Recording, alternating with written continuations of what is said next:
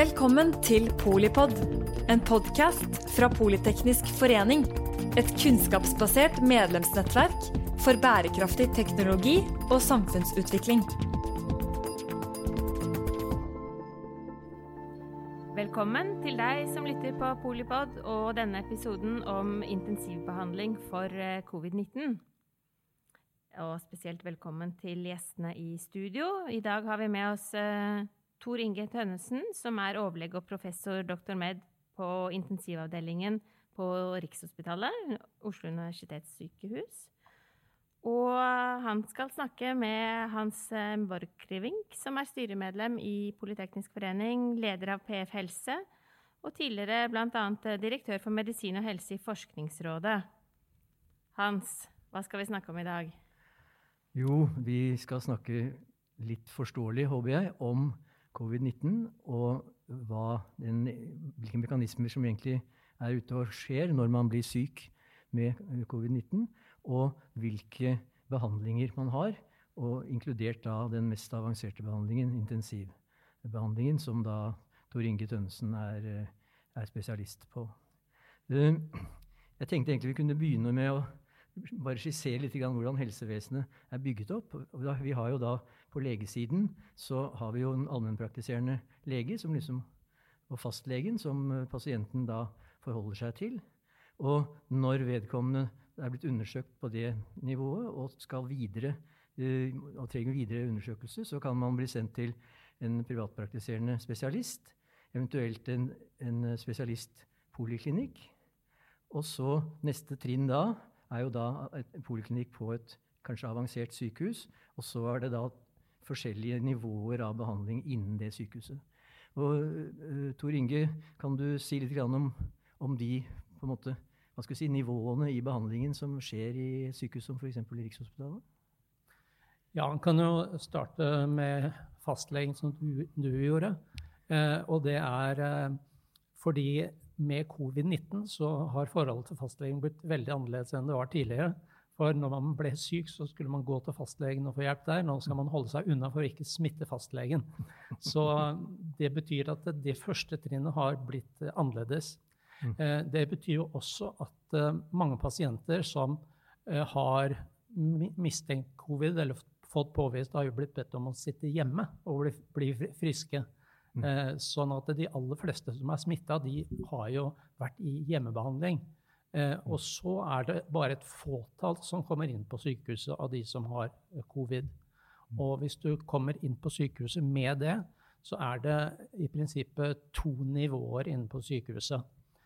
og begge nivåene omfatter at man avgrenser covid-pasientene til ett fysisk sted. Sånn at en avdeling da har bare covid-pasienter, for at det ikke skal spre seg med andre pasienter. Og da fins det det som heter intermediær kohorte, som er for de som trenger sykehusbehandling, men ikke trenger intensivbehandling. Mm -hmm. Og så er det intensivkohortene, som er for de som er de sykeste av de sykeste og trenger da intensivbehandling. Og 80% av de trenger respiratorbehandling. Ah, 80% Den... Uh respiratorbehandling hva, altså, er, Venter dere så lenge som mulig for, for se, før dere setter i gang det, eller hvordan er vurderingen der? Eh, det som vi har sett på covid-pasientene, er at eh, veldig mange kommer inn og kan komme inn veldig rask forverring. Eh, og det betyr at de er noe annerledes enn andre som kommer inn med lungesvikt. Kan, de kan også ha raske forverringer, men det er ofte litt mer forutsigbart. Eh, men på andre pasienter så prøver vi vanligvis eh, noe før respirator, og det er noe som heter eh, high flow nasal cannula, altså høyflow oksygen inn i nesen. Og, og, eller at de har en maskebehandling, en oksygenmaske som er foran ansiktet, det som kalles non-invasiv ventilasjon. Mm. Det er mellomstasjoner som vi bruker under vanlige forhold. Men på covid-pasientene så havner de tidligere på respirator, for de to behandlingsformene som jeg nevnte, de har en tendens til å spre viruset som aerosoler. og som øker da smittefare for personell. Altså som dråpesmitte eller i, i luft, eller altså Ja, det, eh, den er jo eh, behandla som luftsmitte når de er inne på en kohort. Så det betyr at eh, man må da ha full smittepåkledning. Og må ha også høyeste nivå av smittevernutstyr eh, for å eh, hindre at en selv blir smittet. Så er, man smitter når man er nær pasienten, og når man tar og utfører prosedyrer på pasienten, f.eks. når pasienten skal legges på respirator, intuberes, man må gjøre andre ting, så er det høy risiko for å kunne overbringe smitte.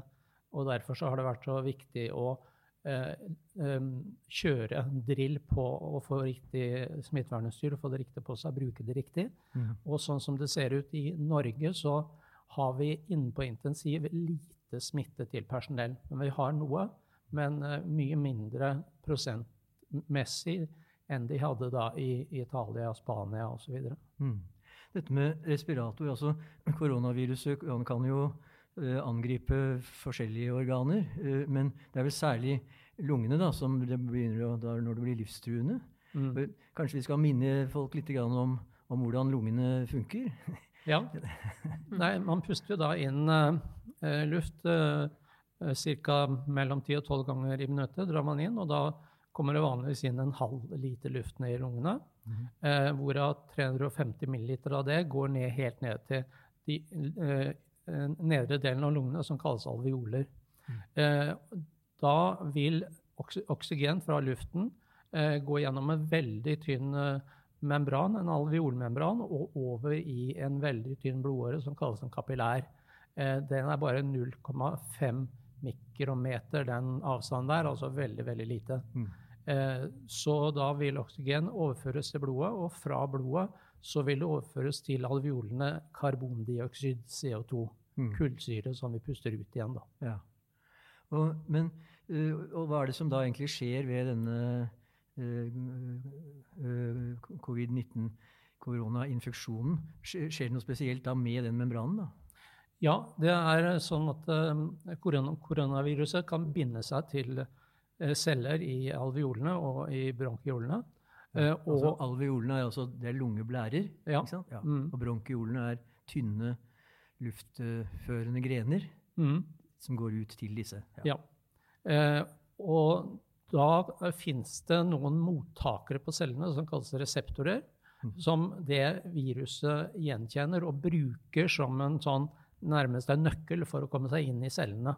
Det som er Virusets oppgave er å komme seg inn i cellene og bruke en del av cellens apparat, sånn at viruset kan uh, reprodusere seg. og Fra ett virus inn i en celle så kan det bli 10 000 virus inn i cellen.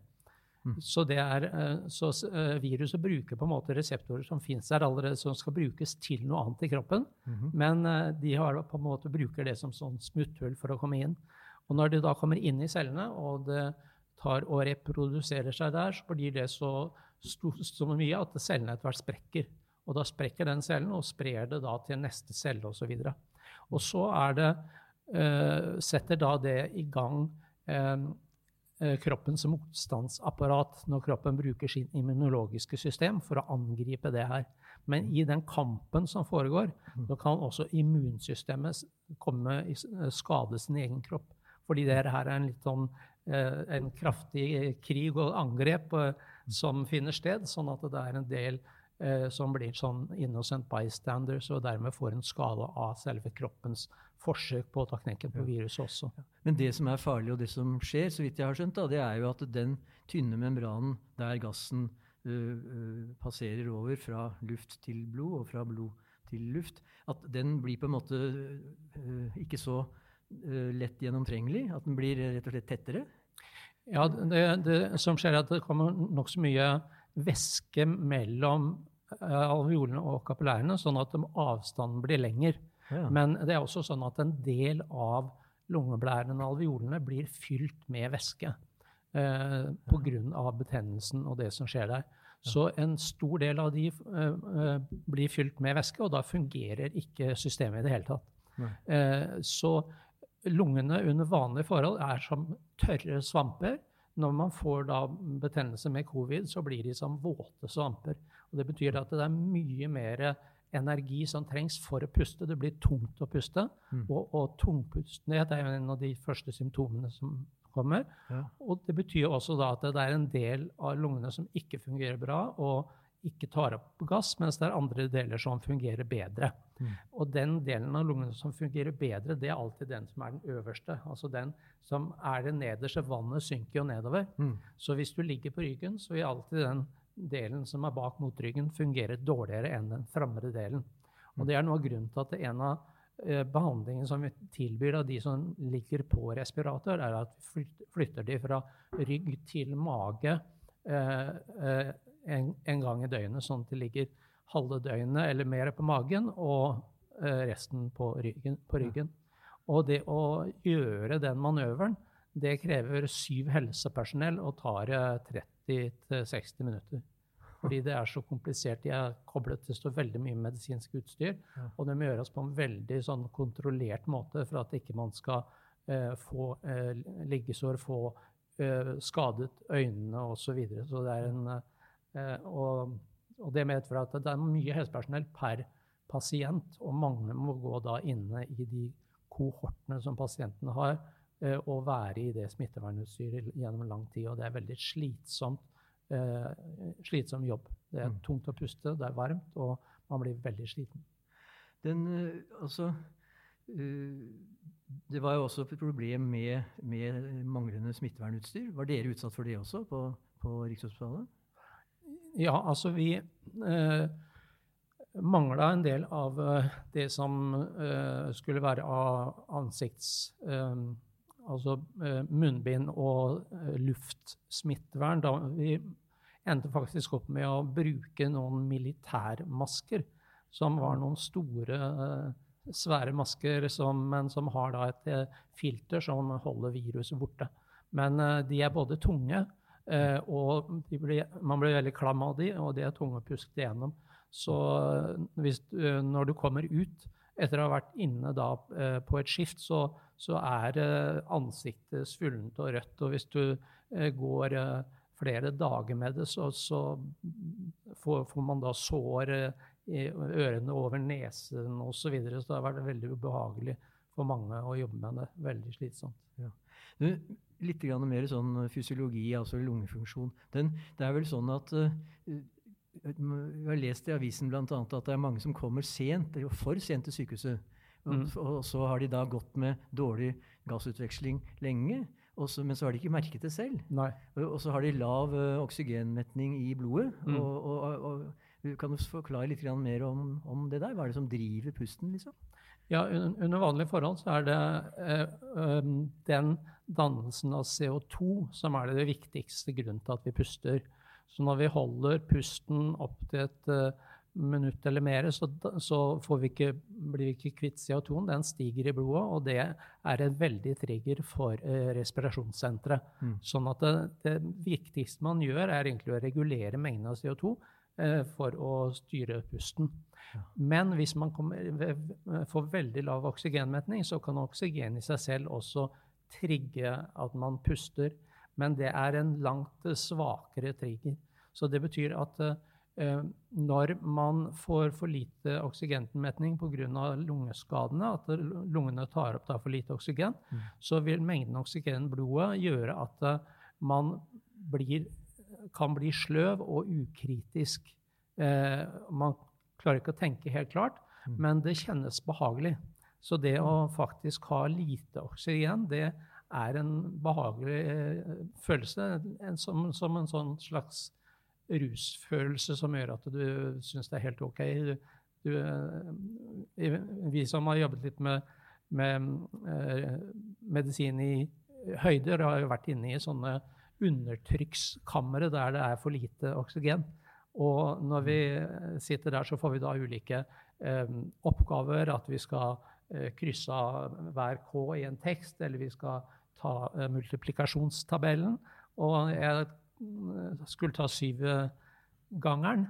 Og um, når jeg kom opp til 35, så gikk det greit, men når jeg kom dit, så var det veldig vanskelig. Jeg tok fram fingrene og begynte å telle for å komme opp, og så så jeg at fingrene var helt blå.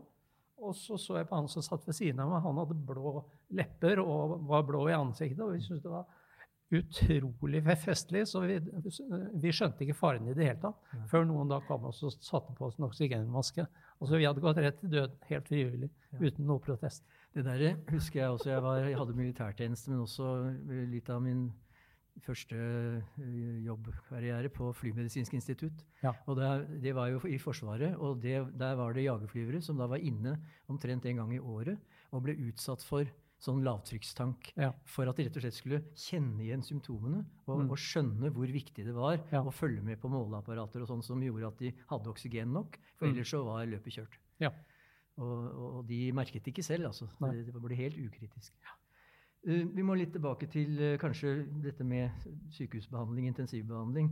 Du sa uh, at det, det, er på en måte noen steder på sykehuset som er definert da, som covid-19-smitteområder, og så er det andre områder som det da ikke er covid-19. Men det, disse kan du si litt mer om liksom, når det kommer inn en, en pasient som da har ja, som man ikke vet har covid-19. Hva gjør dere? Altså Nei, nå, nå, er det jo eh, screening eh, før de kommer inn eh, på sykehuset.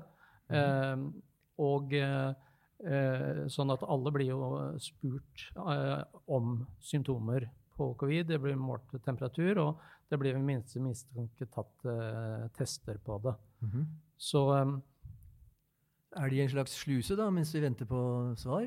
ja, du kan si av de som kommer til eh, oss på Rikshospitalet, så er eh, i over 90% av tilfellene så er diagnosen stilt på et annet sted tidligere. Vi er på en måte et sekundærsted, så de, som de henvises til oss hvis mm. de enten er for syke til å bli behandlet på andre steder, eller det er for lite kapasitet andre steder. Mm. Så eh, vi eh, vet da stort sett hvem som er covid-positive, og ikke av de som kommer. Men vi har hatt uh, eksempler, særlig tidlig i epidemien, at uh, vi fikk inn pasienter som ikke vi uh, mistenkte covid. og, og de kom inn med symptomer som ikke lignet på det. Og det medførte da i noen tilfeller at det ble smitte av helsepersonell. Mm. Så um, det å nå når vi har lett tilgang på test tester, så gjør det at den eh, faren er mye mindre nå. Mm. Men så hvis de da har, har covid, da, og så kommer de inn, uh, og, og hva, ja, hva, gjør dere da rent praktisk? Hvilke undersøkelser setter dere i gang? Så. Nei, Vi tar jo en del blodprøver sånn for å se med hensyn på infeksjonsparametere og sånn, men så, det, så får jo alle også tatt røntgenbilde av lungene. Mm -hmm. og eventuelt eh, CT-lungene.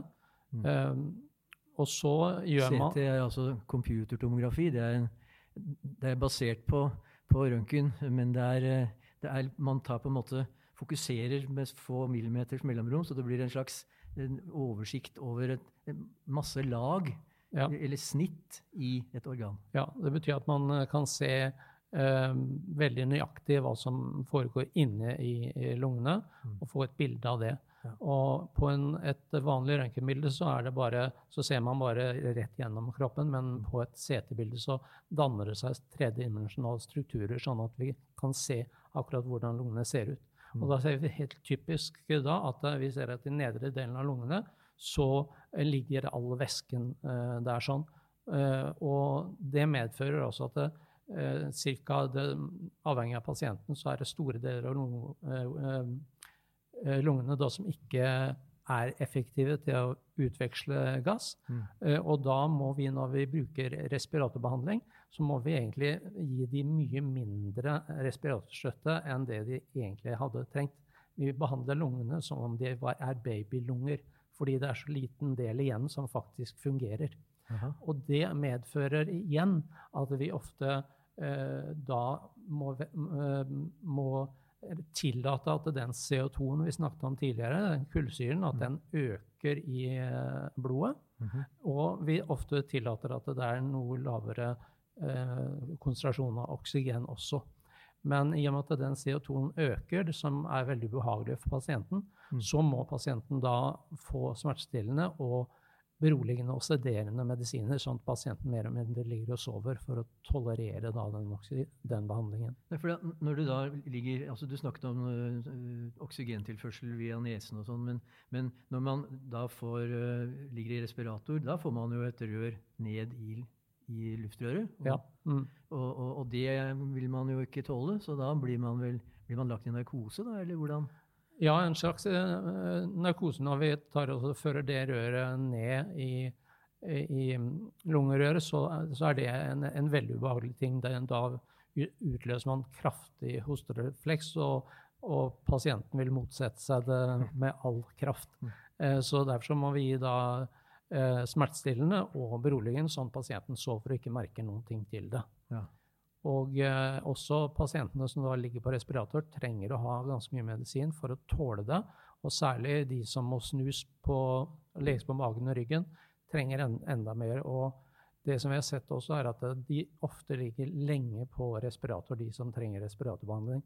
Så en gjennomsnitt respiratorbehandlingstid er rundt 14 dager. Men vi har pasienter som ligger 6-7 uker eh, på respirator. Ha. Men uh hvordan eh, Altså Noen ganger så, så, dør pasienten selv om han er på respirator.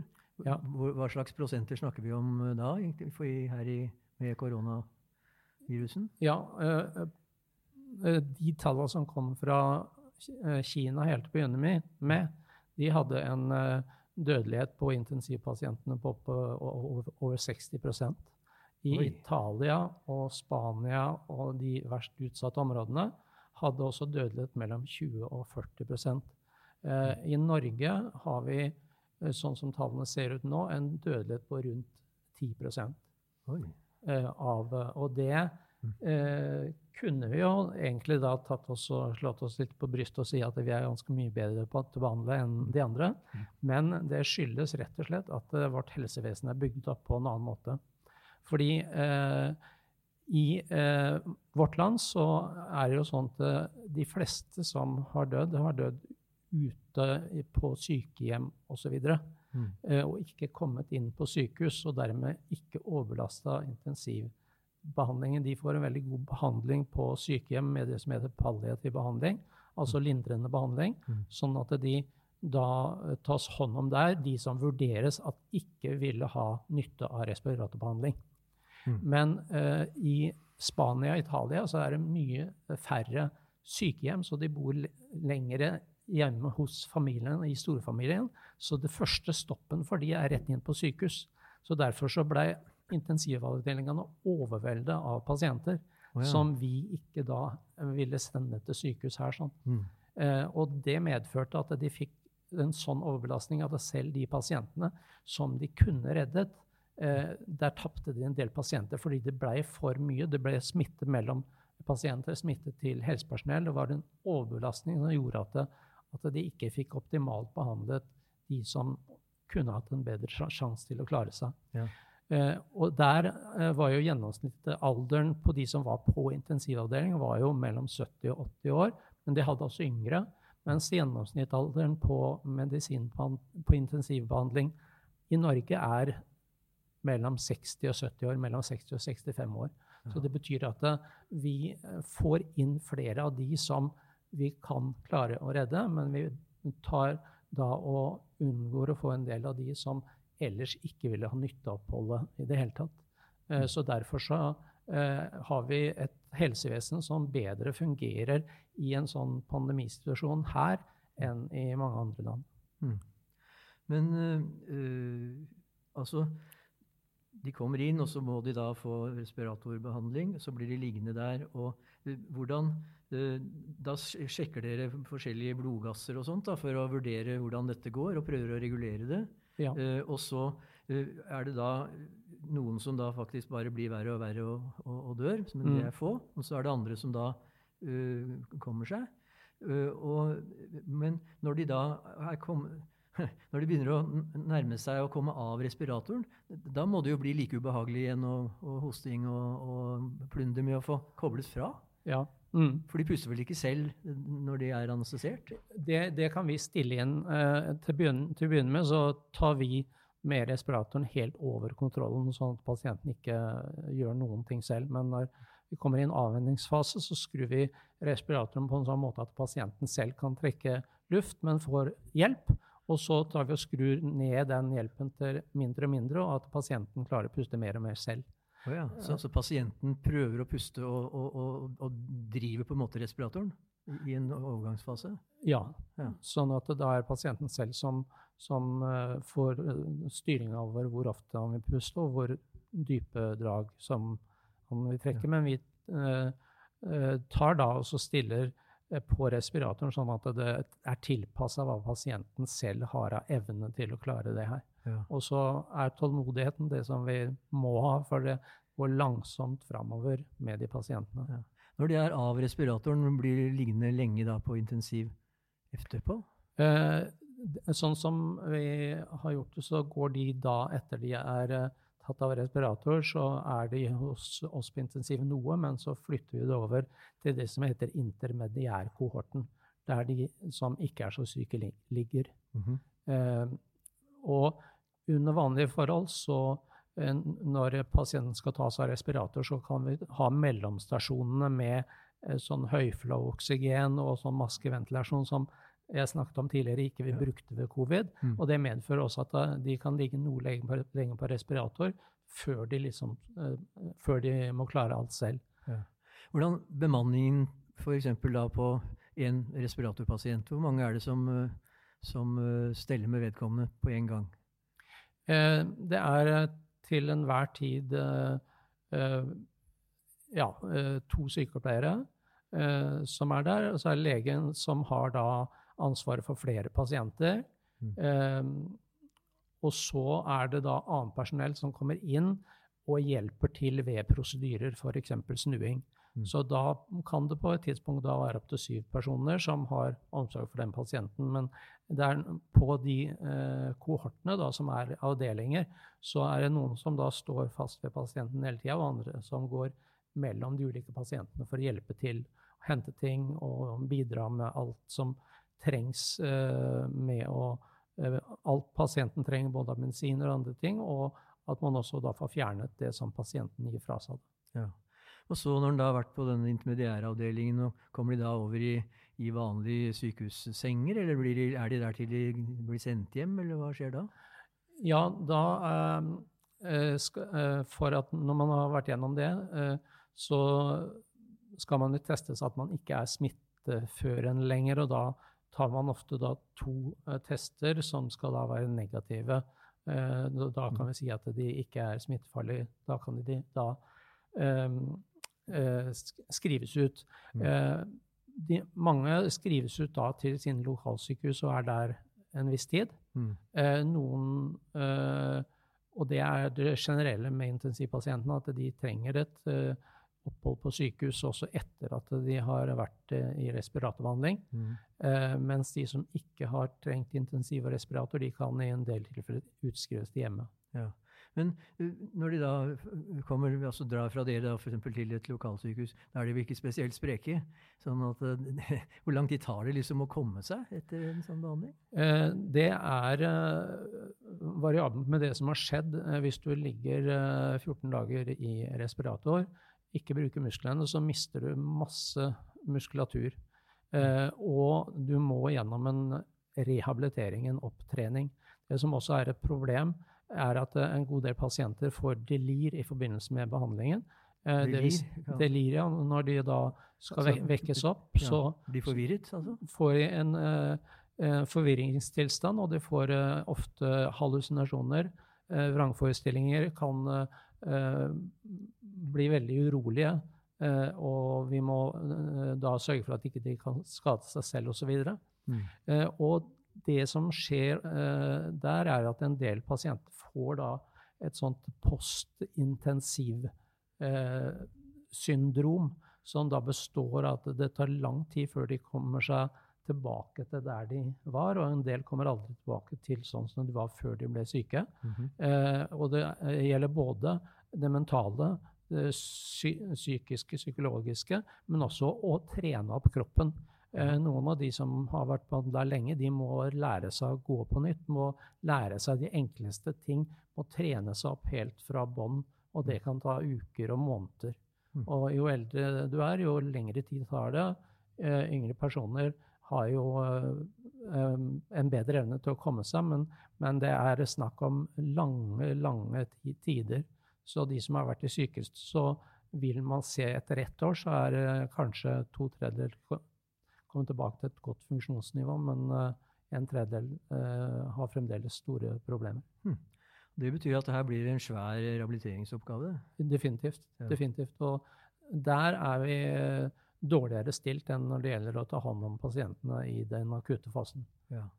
Men syns du Mener du at Norge hadde en ålreit eller god nok intensivkapasitet da denne, denne covid-19 kom?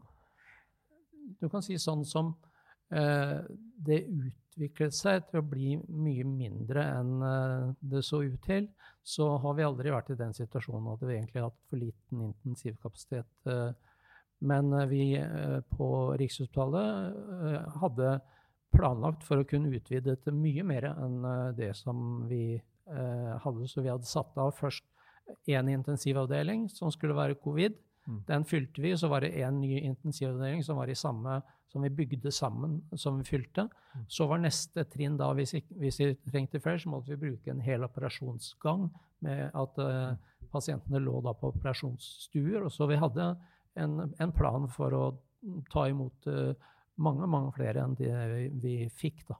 Ja. Hadde dere nok respiratorer? Ja, vi var aldri i en situasjon der ikke vi hadde det.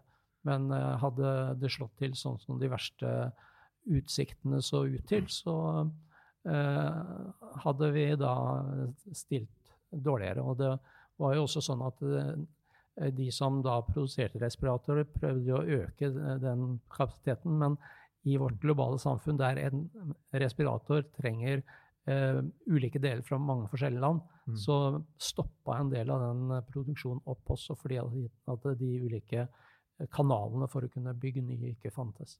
Ja.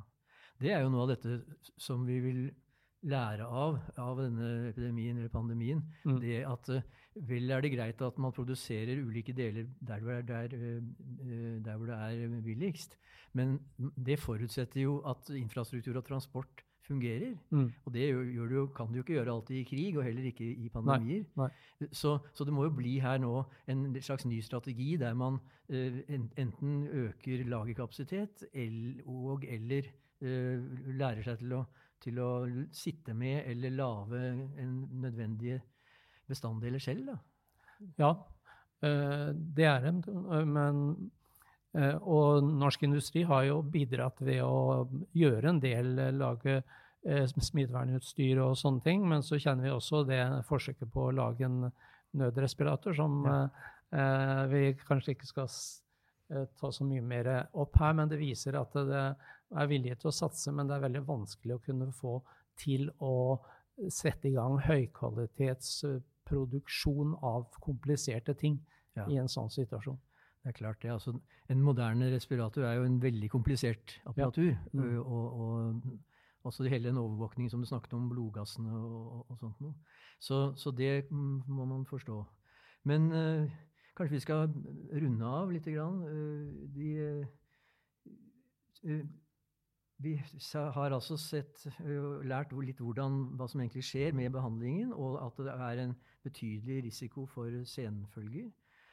Og det kreves eh, rehabilitering, og det kreves antagelig en gjennomgang av intensivkapasitet og lagring av ulike typer utstyr. Ja, det som har skjedd, gjør jo at vi må gå gjennom alle planer, beredskapsplaner osv. Vi har lært mye av det her. Vi lærte en del av svineinfluensaen i 2009, ja. men den ble jo mye mindre enn det vi har hatt nå av covid. Så det her har jo vært den største utfordringen på helsevesenet eh, ever, egentlig. Ja. Det er jo også spesielt dette her at eh, det forholdet mellom å slå ned eller å bremse, og så da eh, den tydeligvis veldig varierende grad av uh, at folk lander antistoffer. Det er mye mindre enn det mange trodde. Ja, Og det er fordi koronavirus er en familie av viruser som ligner på forkjølelsesvirusene. Eh, fire av det er forkjølelsesvirus. Og det er virus man sjelden danner antistoffer mot over lengre tid. Det er derfor man får, forkjølelser om og om igjen. Fordi antiimmunsystemet eh, ikke klarer å holde unna mer enn tre til tolv måneder. Akkurat. Tusen uh, takk. Jeg skjønner at den borgerkrigen i kroppen, den er det om å gjøre å unngå. Det, mm. Så må jeg jo også få si tusen takk og rose dere som både har organisert og behandlet pasienter i det store usikkerheten og kaoset som var da covid-19 kom. Det var veldig interessant å høre hva, lære litt om den våte lungen som eh, egentlig skulle være tørr. Jeg tror eh, dere skal få komme tilbake og forklare oss egentlig litt mer om hvordan kroppen og, og kan russe seg mot, det, mot sykdom. Men for nå, tusen hjertelig takk til Tor Inge Tønnesen, overlege og professor doktor med ved intensivavdelingen på Rikshospitalet på Oslo universitetssykehus og til Hans M. Borchgrevink, som er eh, styremedlem i Politeknisk forening og leder av PF Helse. Tidligere bl.a. direktør for medisin og helse i Forskningsrådet. Veldig interessant samtale. Tusen takk også til deg som har lyttet til denne Polipod-episoden. Takk for at du lyttet til Polipod fra Politeknisk forening. Få med deg flere episoder, eller bli med på nettverksmøtene som du finner på at polyteknisk.